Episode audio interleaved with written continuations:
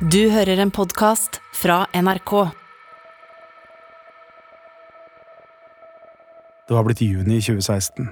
Rustam hadde kommet rusa til sin siste forestilling på Teaterhøgskolen, og istedenfor å gjennomføre den, gikk han opp i fossen bak skolen og sa at han ville hoppe. Ambulansefolk snakka ham ut av det og tok han med seg, og mens han lå på sjukehuset til observasjon, skrev medeleven hans brevet som skulle bli begynnelsen på slutten for Rustam på Teaterhøgskolen.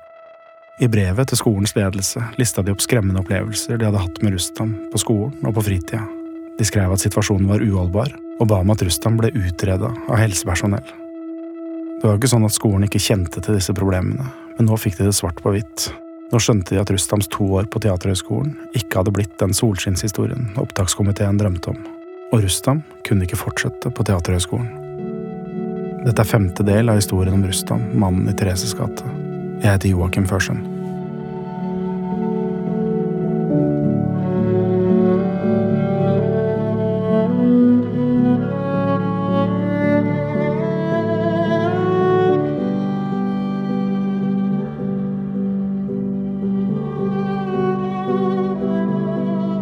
Teaterhøgskolen leide inn vakter da Maria, Leo og de andre i Rustams klasse spilte barneteater i Frognerparken, for elevene var redde for at Rustam plutselig skulle dukke opp. Han rusa seg oftere og oftere den sommeren, men i august, omtrent da de andre i klassen hans begynte på skolen igjen, la han seg inn til et tre ukers avrusningsopphold, på eget initiativ, på en institusjon kalt P22. P22 er et lavterskeltilbud for rusavhengige med røtter i Frelsesarmeen, der du kan komme på døra og få hjelp på dagen. De hjelper folk med avrusning, og de hjelper dem med å holde seg rusfrie gjennom samtaler, aktiviteter, sang og bønn. Rustam oppsøkte P22 mange ganger, men den polikliniske behandlinga fikk han på Lovisenberg sykehus i Oslo. Jeg har fått innsyn i Rustams journaler fra Lovisenberg sykehus gjennom Kristoffer Foss, som Rustam så på som sin storebror, og som han oppga som sin nærmeste pårørende. Og når jeg i de kommende episodene refererer til Rustams helse- og behandlingssituasjon, så er informasjonen henta fra disse journalene.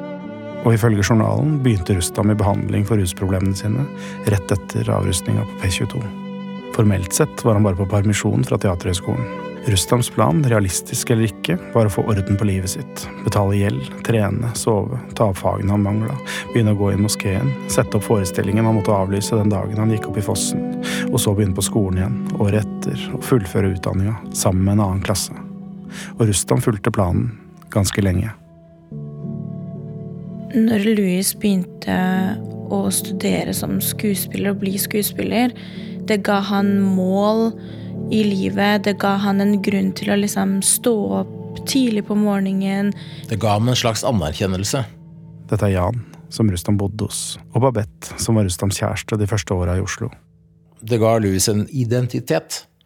Og, og, hvis du på et eller annet tidspunkt mister den, så står du på bar bakke. Og det skjedde jo med Louis. Hvilke konsekvenser fikk det, da? Det førte jo til at han falt, falt helt ut.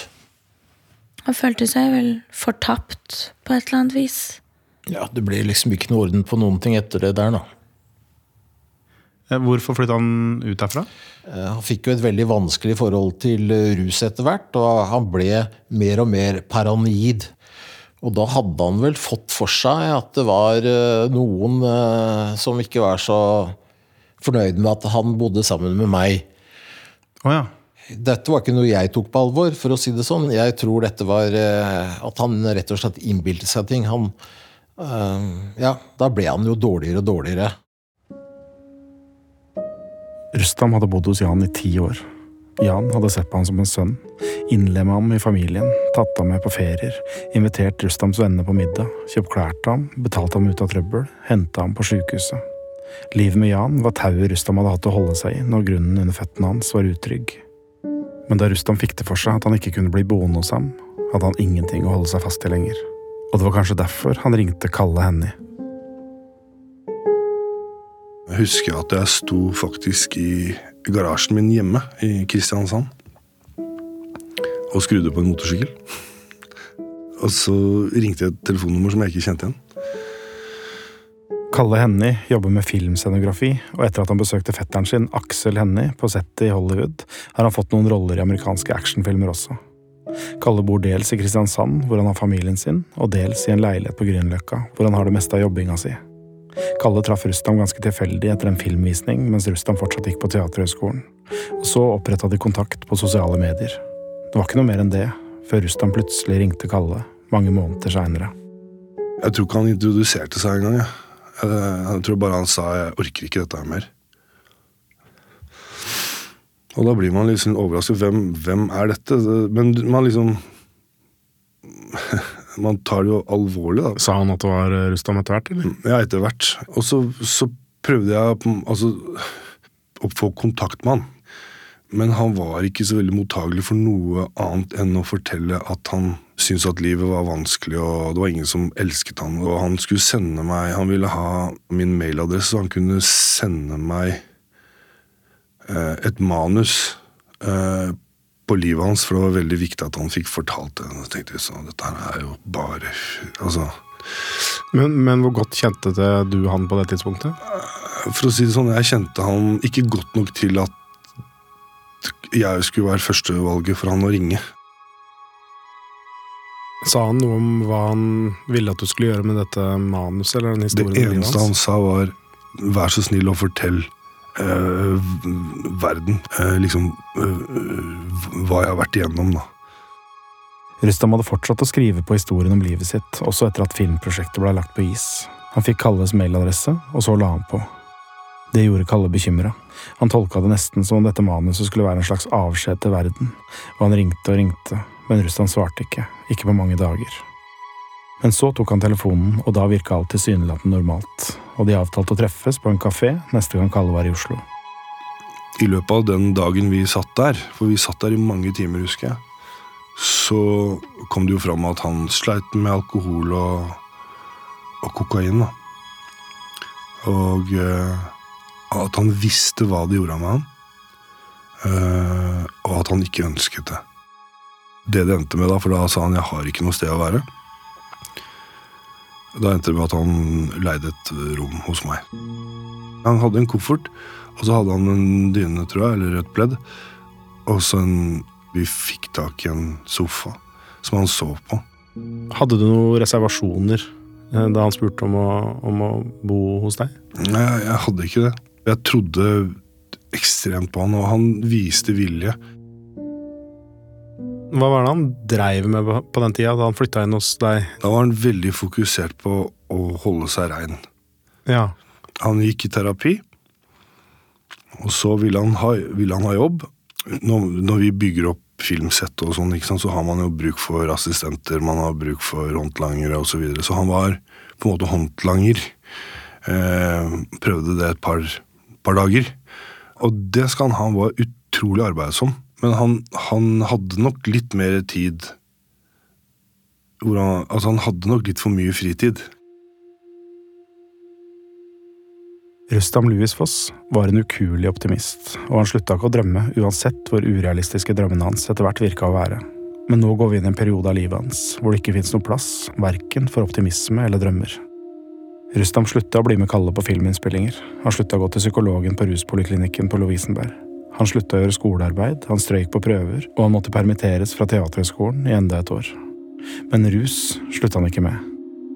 Rustam brukte Nav-pengene sine på kokain. Ting forsvant fra Kalles leilighet. Fremmede mennesker kom og gikk.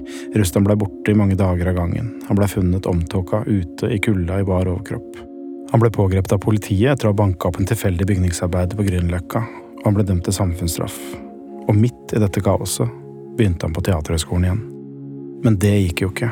Rustam var ikke i stand til å gå på skole, og i hvert fall ikke på Teaterhøgskolen. Han følte seg konstant forfulgt, han hevda at han ble overvåka av politiet, og han beskyldte medelever for angiveri. Han trua lærerne sine også, og enda en gang ble han permittert. Rustam brant nå alle de broene som kunne brennes. Men han hadde fortsatt broren sin. Broren han valgte seg i Drammen da han var 17. Den to år yngre Nicolas Foss. Nicolas var blitt kjørelærer nå, han hadde fått seg jobb i Sande litt sør for Drammen, og en kveld dro Rustam og besøkte ham. I 2018, da, sensommeren, så um, skulle da eh, Rustam og en annen kompis på overnattingsbesøk til meg. Eh, men jeg skulle da på en eh, sommerfest. Så, så de skulle da egentlig bare ha bilen min, og så skulle de kjøre litt rundt til jeg skulle bli henta igjen. da. Og jeg tror ikke jeg ble så veldig, veldig sen egentlig på den uh, sommerfesten, for jeg da ba de om å hente meg. Og vi, og vi kjører hjem til meg eh, til Sanne. Da skjer vel ikke så veldig mye hjemme. Så jeg bare Jeg, jeg går ned og legger meg. Um, og han andre kompisen sov oppe på sofaen. Så, så, vi la oss egentlig, mens Rustam han ble jo sittende i, i, en stol og prate i telefon. Og mer enn det tenker ikke jeg over, for jeg da våkner igjen dagen etter. Og så ser jeg på telefonen min, og der er det uh, en del snapper som har kommet. På natta, da. Når jeg åpner da uh, denne snappen, så står det da at Nico, hva skjer? Bilen din kommer i en helvete svart. Og broren din sitter i den. Og da kjente jeg bare Hvordan har de sett han? De hadde kommet på motorveien. Og så hadde Rustam kommet i min bil. da Jeg tror tre på natta eller noe. Um, en sinnssyk fart bak de da. Og da den da kommet opp på siden og kikket på dem, det var da, de hadde sett at det var Rustam. da Og så hadde den bare forsvunnet i en sinnssyk fart. Og reiser meg opp, da, så lukker jeg opp uh, døren til, uh, fra soverommet mitt. Og det er en sånn liten kjellerstue. Der ligger Rustam, da. Ja. Um, tenkte bare hæ, hva er det som skjer nå, egentlig? Jeg, jeg må ha drømt. Og så kjenner jeg liksom en sånn stank av alkohol når jeg går liksom nærmere altså mot den. For han, han hadde en sånn liten sofa nede også, som han lå på. Så vet jeg ikke, jeg tror jeg åpna kjøleskapet, så, så, visste jeg at jeg hadde en uh, liter med sprit. Uh, og så ser jeg den flaska, den er det jo bare én desiliter igjen av. Og så mange tanker som egentlig går gjennom huet mitt med fotobokser. Kanskje han har kjørt på noen? Uh, har han drept noen? Uh, er, bilen min, er, er, bilen min, der? Og um, går ut, og der står bilen. Takk Gud for det. Men den står med nesa parkert inn, så jeg rigger alltid inn.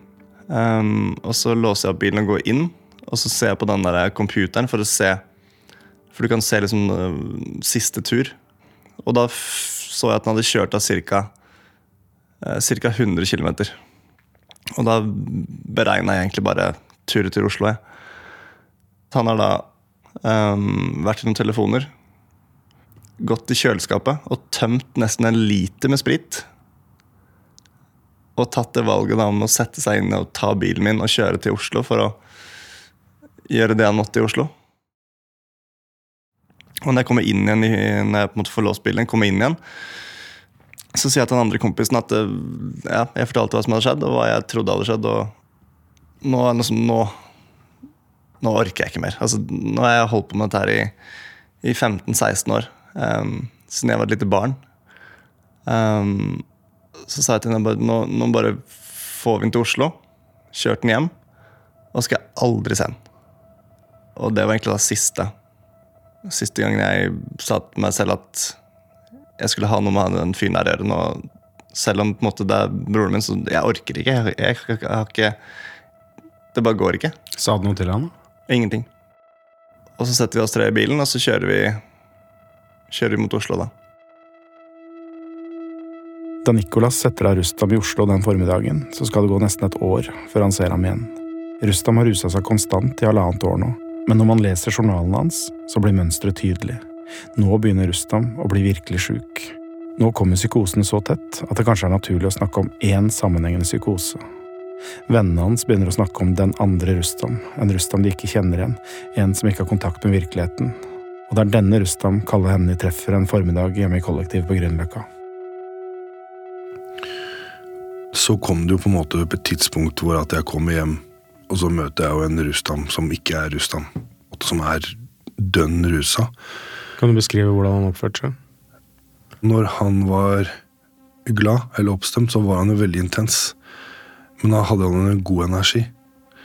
Eh, jeg vil si at han var den samme personen, bare med en ekstremt skummel energi. Altså, du jeg er en ganske svær kar, jeg er ikke så veldig redd eh, av meg generelt. Men jeg følte meg utrygg, for jeg følte ikke at jeg visste hvor jeg hadde det mennesket som sto foran meg i det hele tatt. Og det var ikke bra, liksom. Jeg hadde ikke lyst til å gå og legge meg, skjønner du hva jeg mener? For jeg Altså Du har ikke kontroll når du sover, på en måte. så utrygg. Og da, da Da husker jeg at jeg Da reiste jeg. Hvor dro du da? Eh, Da dro jeg til fetteren min. Og så, og så bodde jeg der et par dager. Og da tok jeg kontakt med Rustam og sa nå, nå skal vi møtes. Og vi møttes i leiligheten, og da var han helt uh, rein. Han hadde pynta seg, holdt jeg på å si. Han hadde tatt på seg skjorte. Og han var lei seg. Og da hadde vi en lang samtale, og, og en av de tingene som jeg liksom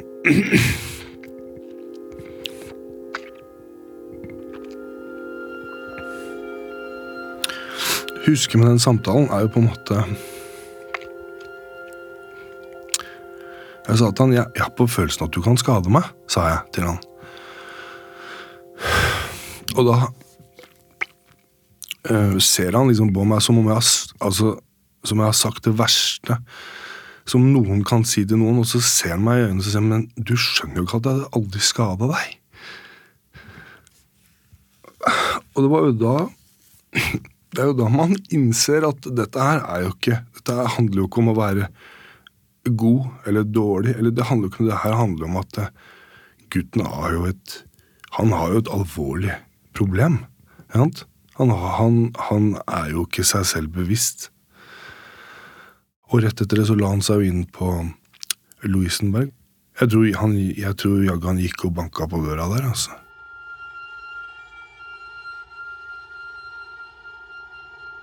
Når Kalle sier Lovisenberg, så snakker han ikke om sjukehuset, men om rusklinikken P22, som ligger like ved. Og det er vel og bra at Rustam igjen og igjen skriver seg inn til behandling der. Men det er et problem med det også. P22 er en rusinstitusjon som behandler folk med rusproblemer. Det er ikke psykologer der, de utreder ikke pasientene for underliggende psykiske lidelser. Og Rustams vrangforestillinger kommer oftere og oftere nå. I november i 2018 oppsøker han legevakta overbevist om at fiender har putta etsende syre i snusboksen hans. Måneden etter møter han på døra på Lovisenberg og sier at han har kravlende insekter over hele kroppen, og i mai, bare noen uker før han knivstikker en tilfeldig mann på Eventyrbrua, blir Rustam funnet på gata med kvelemerker rundt halsen, ute av stand til å gjøre rede for seg. Rustam havner på psykiatrisk akuttmottak alle gangene, og han blir over natta også, men han blir ikke innlagt, og han blir ikke utreda. I journalene fra sykehuset står det at psykosene er rusutløste, altså at de skyldes Rustams inntak av alkohol og kokain. Men det er ikke hele sannheten, for av og til kommer vrangforestillingene først, når Rustam er edru og nykter. Og det må bety at det er noe annet som er galt, noe som ligger under. Men det er det ingen som sjekker, ikke nå, og Rustam fortsetter å virre psykotisk rundt i Oslos gater. Men midt i dette kaoset er det én tanke han ikke slipper tak i. Filmen han en gang skulle lage sammen med Mathias Arman Jordal. Det var jo den som skulle gi ham den første store rollen. Det var den som skulle redde ham fra undergangen og gjøre ham berømt. Og nå hadde Rustam fått en idé om at de kunne selge prosjektet til Netflix. Jeg husker vi møttes på Fru Hagen på Grünerløkka. Han hadde en Netflix-dokumentar hvor han skulle ta opp tråden. da, at, vi, at jeg skulle spille meg, og han skulle spille en kriminell. da. Du skulle selge det inn til Netflix, da. Hva gjør du? Ingenting. Og så sier han til han Kan tar ta meg med til Netflix? Jævla drittsekk, altså. Han sier kan du ta meg med til Netflix, og så sier eh, Og så sier han hva mener du ta deg med til Netflix? Han sier hør nå, vi må lage en dokumentar om livet mitt på et tidspunkt. Vi satt der og snakket, og så øh, han plutselig forsvant han bare. Øh, jeg skjønte ikke hva skjedde nå. hvor Jeg satt der og blomstra aleine ganske lenge, og så visste jeg at han bodde ikke så langt unna, så jeg prøvde å ringe han, svarte ikke. Så, så veldig, veldig, Han kunne på en måte forsvinne, og sånn, men det var, eller jeg fikk en sånn dårlig følelse. Så jeg eh, gikk opp til han og ringte på. Og da Altså Da hadde han på en måte endret hele Hvordan skal jeg forklare det, da? Altså Han hadde et annet blikk. Eh, han så på meg på en måte han ikke har sett på meg før. Med et blikk som var eh, som han, han var ikke trygg, da, på en måte. Og så sa han at han trodde at Han trodde jeg hadde tatt med meg masse folk som sto nede i gangen og skulle komme inn og ta han. Hva sa du da? Nei, jeg, jeg var jo altså, Selvfølgelig har jeg ikke det, og sånt, men jeg merket at ok, han er Jeg ble Jeg har aldri vært redd sammen med han, men jeg fikk en litt dårlig følelse der, så jeg tenkte jeg må, jeg må gå. Jeg må ut herfra. Så jeg sa ha det, og gikk, da. Rustam var nå 30 år gammel, og på nyåret i 2019 fikk han vite at storebroren hans, den fire år eldre Sham Han, var død, etter et kort og tøft liv i Kasakhstan. Og Rustams liv på Oslos skyggeside var ikke noen dans på roser, det heller. Han blei mer og mer paranoid. Rustam reiv opp klærne sine fordi han trodde at noen hadde sydd ting inn i dem. Han påsto at han ble forfulgt av svarte katter. Han fjerna listverk og takplater hjemme i leiligheten til Kalle fordi han trodde at det skjulte seg mikrofoner og kameraer der. Og tre ganger ringte han hjem til tanta si i Drammen og spurte om hun kjente til at noen hadde planer om å drepe ham. Mange av disse episodene skjedde antagelig mens Rustam var påvirka av rus, men ikke alle, og en formiddag i mai ringte han til Jan. Så en av de siste gangene jeg så han da for denne hendelsen på Eventyrbrua, hadde han jo gått ned 10-15 kilo i vekt. Og da var jeg hentet han da hadde han vært hos fastlegen, og eh, da var han ikke rusa. Ehm, Men da innbilte han seg jo at han hadde noe levende dyr i, i nakken. Og jeg sjekket jo det, og der var det jo bare noen kviser. Så da hadde han kommet til stadiet hvor eh, grensene mellom eh, eh, virkeligheten og hans virkelighetsoppfatning eh, eh, ja, hadde flytt litt ut. Var du bekymra sjøl? Ja, veldig. Hva gjorde du med det? Nei, hva skulle jeg gjøre? Det, var, det forelå ikke noe behandlingstilbud, så det var ingenting jeg kunne gjøre med det. Var du redd for at det skulle gå ordentlig Ja, galt? jeg kunne se hvilken vei det går. Det var som å se på et, eh, et togkrasj i slow motion. Sånn var det å se på det som skjedde med Lus.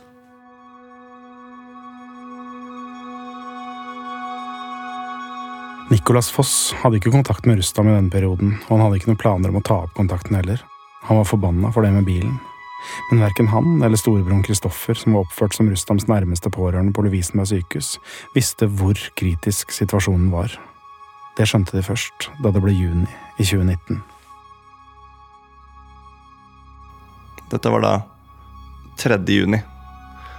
Så legger jeg ut en story på Instagram, og så plutselig tikker det inn en eh, melding på Instagram at den kommenterte den storyen. Da skrev en eh, 'Jeg savner deg, lillebror. Um, hvorfor svarer du meg ikke? Vi er jo brødre.' Og så svarer jeg ikke på den heller.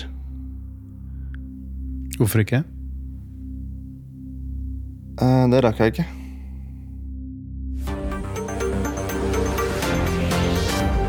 Politiet skjøt varselskudd mot en mann som viftet med kniv i Oslo, pågrepet i dramatisk aksjon etter knivstikking på Grünerløkka. Og det vi da så var en mann i bar overkropp som løp rundt området og var helt rabiat. Eh, Politiet responderte eh, på flere innringere, eh, og informasjon gikk på at gjerningsmannen forflyttet seg mot Eventyrbrua, som vi står ved nå. Så satt jeg. Eh, satt jeg på jobb og fikk en melding av en kompis som spurte om jeg hadde sett på VG.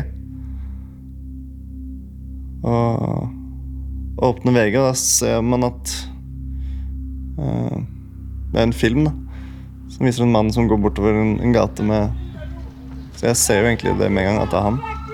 På kroppen, holdningen Stemmen. Jeg hører stemmen også. Men da går han jo i bar overkropp med bukse. Og har en kniv i hånda og, og ene hånda opp i været. Og så plutselig ser du at disse spesial... eh, Eller politiet med skjold kommer til stedet. Og så hører du liksom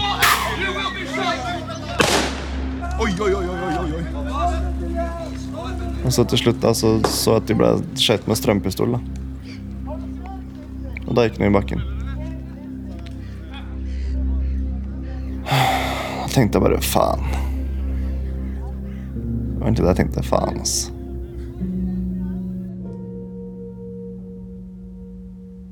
Rustam ble kjørt av gårde i ambulanse, og det ble mannen som lå blødende på fortauet like bak ham også. Lennon Dominguez het han, en filippinsk statsborger som jobba i en bruktbutikk ved enden av Eventyrbrua.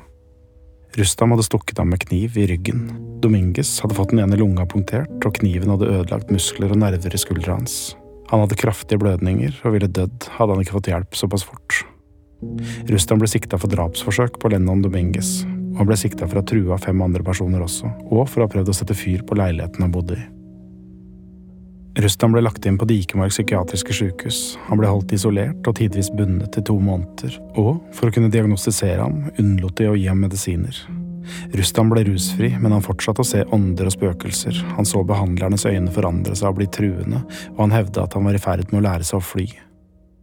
Utpå seinsommeren ble Rustam satt på antipsykotiske medisiner. Han blir gradvis mer normal og får lov til å ta imot besøk. Og nå kommer de alle sammen.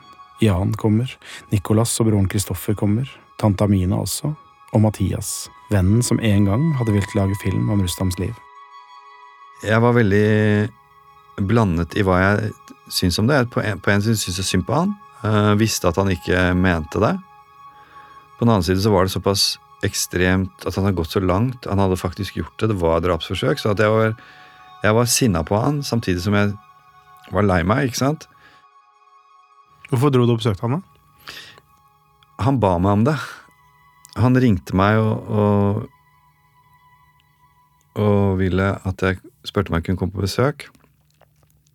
Parkere utenfor de nettinggjerdene, eller de der store gjerdene der. Så går porten opp, og så blir jeg hentet. Får beskjed om at Rustam er på vei, kommer snart, de skal hente han. Så kommer han inn. Han var ikke seg selv. Han var um,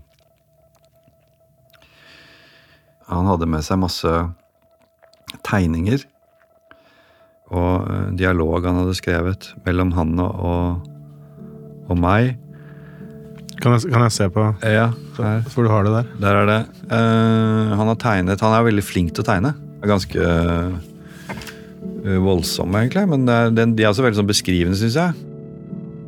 Mathias legger et ark på bordet foran meg. Det er en forseggjort og detaljert blyanttegning av en mann i bar overkropp. Mannen har markerte muskler og store arr på magen. Det skal åpenbart forestille Rustam. Han har et angstfylt, desperat uttrykk i ansiktet, og hengende over nakken har han en skikkelse, en demon kanskje, som forsøker å stikke ham i halsen med en stor kniv. Tre steder på tegningen har Rustam skrevet Den indre kamp med rød tusj. Til høyre for den desperate mannen har Rustam tegna et svart flygel. På selve flygelet har han skrevet melodi, og under det, med små bokstaver, står det Veien ut. Hva mener han med dette? Jeg tror, jeg tror det er ganske sånn, sånn, sånn, som det ser ut. At han kjemper med en indre demon som på en måte sliter i han. da. Og at han Det er den indre kampen hans. Og at han Veien ut er kunsten, da, eller eventuelt musikken.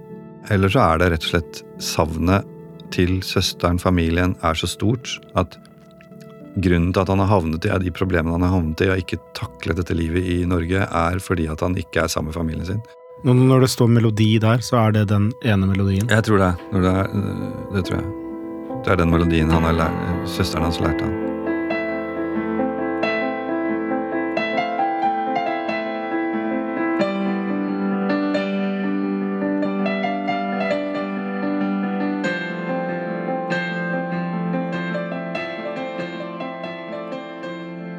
Rustam tok fram et ark til med en håndskrevet dialog på. Han hadde sittet på rommet sitt, sa han, og jobba videre med fortellingen. Fortellingen om skurken og regissøren. Fortellingen om ham og Mathias, som kanskje kunne bli en serie på Netflix. Og da er det skrevet som et manus. Har du noen gang følt deg spesiell? At du på en måte ikke passer inn i denne verden? Det finnes så mange bra mennesker der ute. Normale mennesker. Jeg vet ikke, Mathias. Jeg føler meg bare så sint hele tiden. Og hva om, etter alt jeg har vært igjennom, noe har gått ordentlig galt inni meg? Hva om jeg er i ferd med å bli ond? Og det er det siste som står? Det er det siste som står.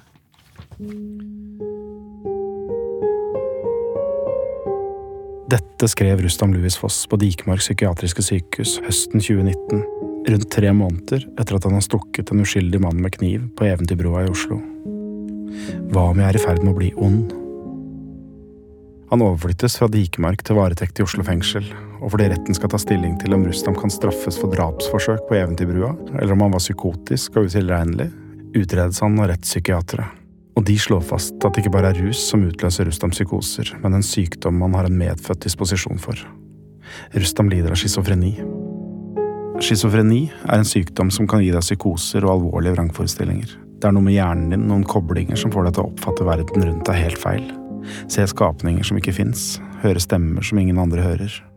Du kan få hemmelige beskjeder fra utenomjordiske vesener. Du kan få kommandoer av Gud, og du kan treffe mennesker på gata som har vært døde i mange år. Og det er ikke sånn at det oppleves vagt eller drømmeaktig. Det oppleves helt virkelig, og veldig ofte kan vrangforestillingene være skremmende. Du er plutselig sikker på at noen prøver å lure deg, prøver å skade deg, kanskje drepe deg til og med. Som oftest er sånne vrangforestillinger forbigående. Du får hjelp av dem rundt deg, du får behandling og medisiner. Og selv om psykosene kan vende tilbake, vil du kunne leve et godt og harmonisk liv uten å utgjøre en fare for deg sjøl eller andre.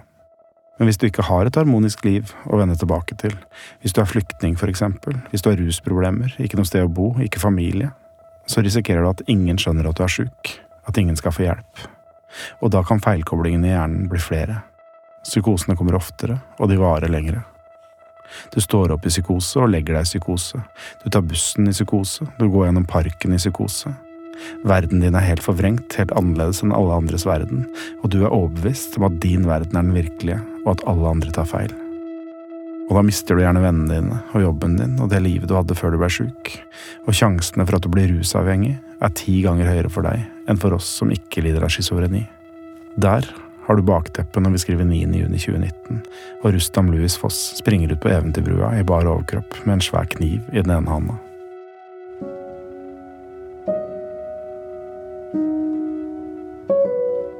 Rustam ble sittende i varetekt i Oslo i mer enn et år, og i desember i 2020 dømmes han til tvungent psykisk helsevern. Det betyr at han fritas for straffansvar fordi han var psykotisk og utilregnelig den morgenen på Eventyrbrua, men at domstolen likevel bestemmer at vi andre, altså samfunnet, må beskyttes mot Rustam. Rustam blir lagt inn på en lukka avdeling på Lovisenberg sykehus, og derfra tar han kontakt med sin gamle venn Kalle Hennie. Jeg jeg har jo tatt vare på de der meldingene.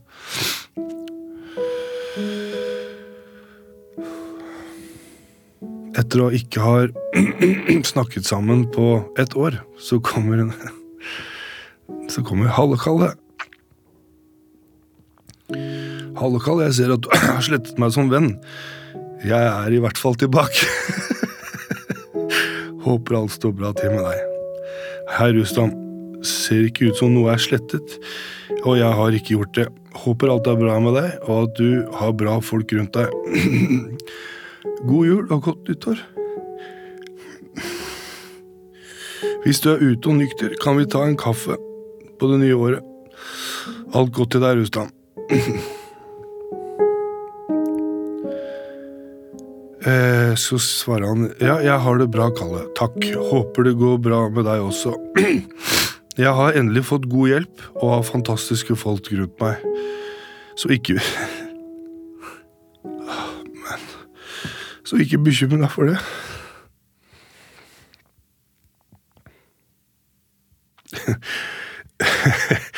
Når vi møtes, Kalle, så vil jeg gjerne fortelle Dette er litt ute i det. Da vil jeg gjerne fortelle deg om de nye ideene mine. Nei, de nye ideene jeg har skrevet på det siste året. han var veldig opptatt av den livshistorien. Det ga han seg aldri på. Den aller siste meldingen 29. april han sender noen videoer av denne hunden. Hva slags hund? Det er en Boston Terrier. Jeg tror det er kanskje muligens Jan sin eller en nabo. eller noe sånt. Jeg, det vet jeg ikke. Så sender han og sier utrolig fin, jeg elsker de hundene, håper alt er bra. Alt er bra, tusen takk. Jeg håper det går bra med deg også. Uh, så skriver jeg at det går fint. Mye jobbing rundt omkring. Det er jo bra, men jeg savner familien min. Sånn er det når man blir gammel. Jeg er ikke så gammel, da, bare sånn at det er sagt. Eh, det, han sier, det han sier til meg, det er fullt forståelig, Kalle. Familie er alt. Håper du trives med det du driver med, og at du får sett familien din snart.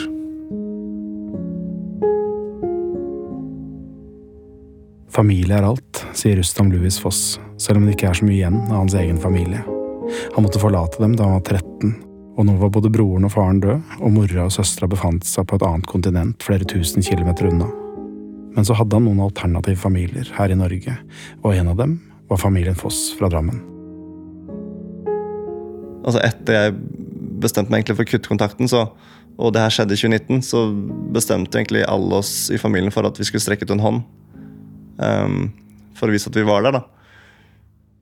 Uh, og vi fant da til slutt en, en lørdag da, som det passet for, for alle. Men vi fikk iallfall fylt, fylt opp en bil. Um, Hvem var som var i bilen?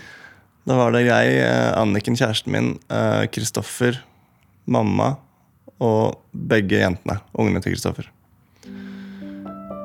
Vi kommer rundt svingen uh, i bilen vår, da, og så ser vi han står nesten som en servitør. Klar med, med, fat og med kaker, saft, rett utenfor hovedinngangen til, til Lovisenberg. Så alt var klart til oss, da. Um, da har jo han gleda seg veldig til å se jentene også. Um, for de, ikke, de, fikk ikke lov til å komme til fengselet. Og vi parkerer litt unna, men, uh, men går da mot han, og jentene kommer ut nesten først av bilen. Så de løper jo mot uh, onkel Kristian. Uh, og vi hiver oss rundt halsen på hverandre og, og klemmer og, og veldig hyggelig. Um, så ble det jo et par møter til. Um, på samme sted, rett utenfor hovedinngangen. Um, og e-, etter hvert så fikk jeg noe mer fri. Så da gikk vi en liten tur, da. Og, og det var jo på, for første gang på ganske mange år, da. Um, som han kunne være kalle det være seg selv igjen, da, egentlig. Og føle seg fri. Syns du at den friheten var bra? Den lille friheten vi hadde sammen da, de tre timene, ja. Veldig fin. Um, men en dag så ringer han og sier at nå har jeg fått egen leilighet. Da rynka jeg litt på nesa. Hvorfor det? Fordi det hadde gått et halvt år, bare. Rosenquist sa jo i, i rettssaken at uh, du må i hvert fall, altså i hvert fall, tre, fire, kanskje fem år i tvungen psykisk helsevern. Så sa jeg bare 'hæ? Nå må du ha hørt feil', liksom. Det kan jo ikke stemme. Altså så fort, liksom. Ja, jo, han hadde fått uh, Og jeg, jeg, kunne bare snakke med han ene som jobba der, for da var det en, en, Jeg vet ikke om det var lege eller Som jeg fikk prate med, da. Han bekreftet at han da skulle få, få lov til å få litt mer sånn dags Altså i starten da. dagspermisjoner. Så man skulle kunne dra til leiligheten sin da. og være liksom et døgn, og så, men med oppfølging. Ja, da tenkte jeg vel godtroende som jeg tenkte, tenkte jeg vel at det nye systemet det vil også da passe på. da. At uh, han ikke kan gjøre som han vil, på en måte. Psykiateren Nicolas refererer til, er Randi Rosenquist. Hun utreda Rustam mens han satt i varetekt, og hun var én av to rettspsykiatrisk sakkyndige under rettssaken. Nicolas fulgte saken mot Rustam hjemmefra, på Teams, pga. korona, og for å forklare hvorfor han rynka på nesa da Rustam plutselig skulle ut av sykehuset, skal jeg lese noe av det psykiaterne skriver i dommen etter knivangrepet på Eventyrbrua. Jeg siterer. For at Rustam Louis Foss sykdom skal ha best mulig prognose, er det viktig at han har tett kontakt med det psykiske helsevern gjennom lang tid, les flere år. Han er åpenbart i behov av antipsykotisk medikasjon over lengre tid, meget mulig livet ut. Han er også i behov av et støttende miljø rundt seg. Ut fra hans situasjon i dag kan det se ut som han har en for optimistisk oppfatning av sin framtid og sin framtidige mestringsevne. Uansett vil det være helt destruktivt og farlig dersom han fortsetter å ruse seg selv om det bare er av og til. Vi vet ikke hvorvidt han selv virkelig forstår dette, og om han er i stand til å gjennomføre konsekvent avhold. Aller verst blir prognosen hvis han faller ut av psykiatrisk behandling, forfaller sosialt og ruser seg. Da kan tilsvarende situasjoner som den i juni 2019 oppstå. Sitat slutt. Situasjonen psykiaterne sikter til, er den morgenen i 2019 da Rustam løp ut på Eventyrbrua i bar overkropp med en kniv i hånda og prøvde å drepe folk. Og nå veit vi at det psykiaterne i retten frykta kunne skje, det kommer til å skje. Rustam kommer til å løpe ut av leiligheten sin en gang til, om morgenen i bar overkropp med en kniv i handa. Han kommer til å bli skutt av politiet også, men ikke av en elektrisk pistol. Nicolas visste jo ikke hvor gærent det skulle gå, men han var redd likevel. Rustam hadde bare vært innlagt på psykiatrisk sykehus i fire måneder, og nå skulle han flytte i egen leilighet. Han hadde funnet den sjøl, den lå i Thereses gate, 200 meter nedenfor leiligheten til Jan, og han skulle overta den 1. april.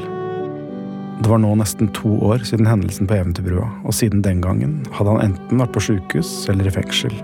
De hadde på mange måter vært trygge de to åra, men livet der ute, i Oslos gater, var utrygt, og det var fullt av fristelser. Og sykejournalene forteller at Rustam var engstelig for akkurat det. Han var redd for rus, og han spurte hva han skulle gjøre hvis han hørte fremmede lyder i den nye leiligheten.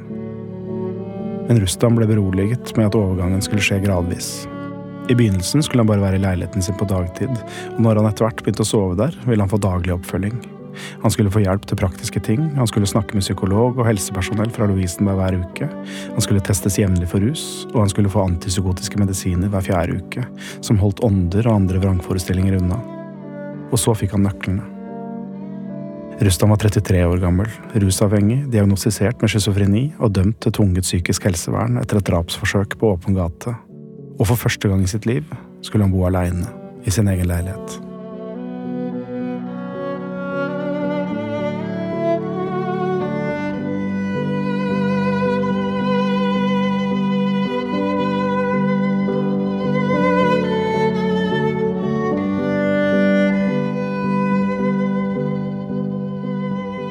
Du har hørt den femte delen av historien om Rustam Louis Foss, mannen som døde i Thereses gate i fjor.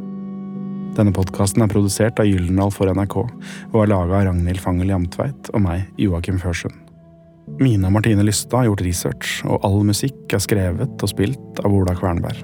Lydmiksen er gjort av Marius Ytterdal. Eksekutiv produsent i Gyldendal er Harald Ofstad Fogner. Redaktør i NRK er Mirja Minyares. Hvis du har behov for noen å snakke med om mental helse, ring 116 123. Du har hørt en podkast fra NRK. De nyeste episodene hører du først i appen NRK Radio.